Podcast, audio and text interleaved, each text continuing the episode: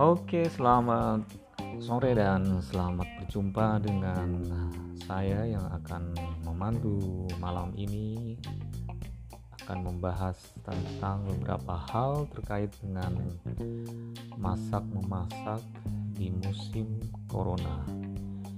Yes, sambil mengisi luang waktu karena kita tidak bisa beraktivitas di luar sana, kita akan coba tiap harinya dengan membahas beberapa resep yang tentunya kita harus coba untuk membuktikan apakah resep tersebut dapat kita andalkan pada hari-hari berikutnya.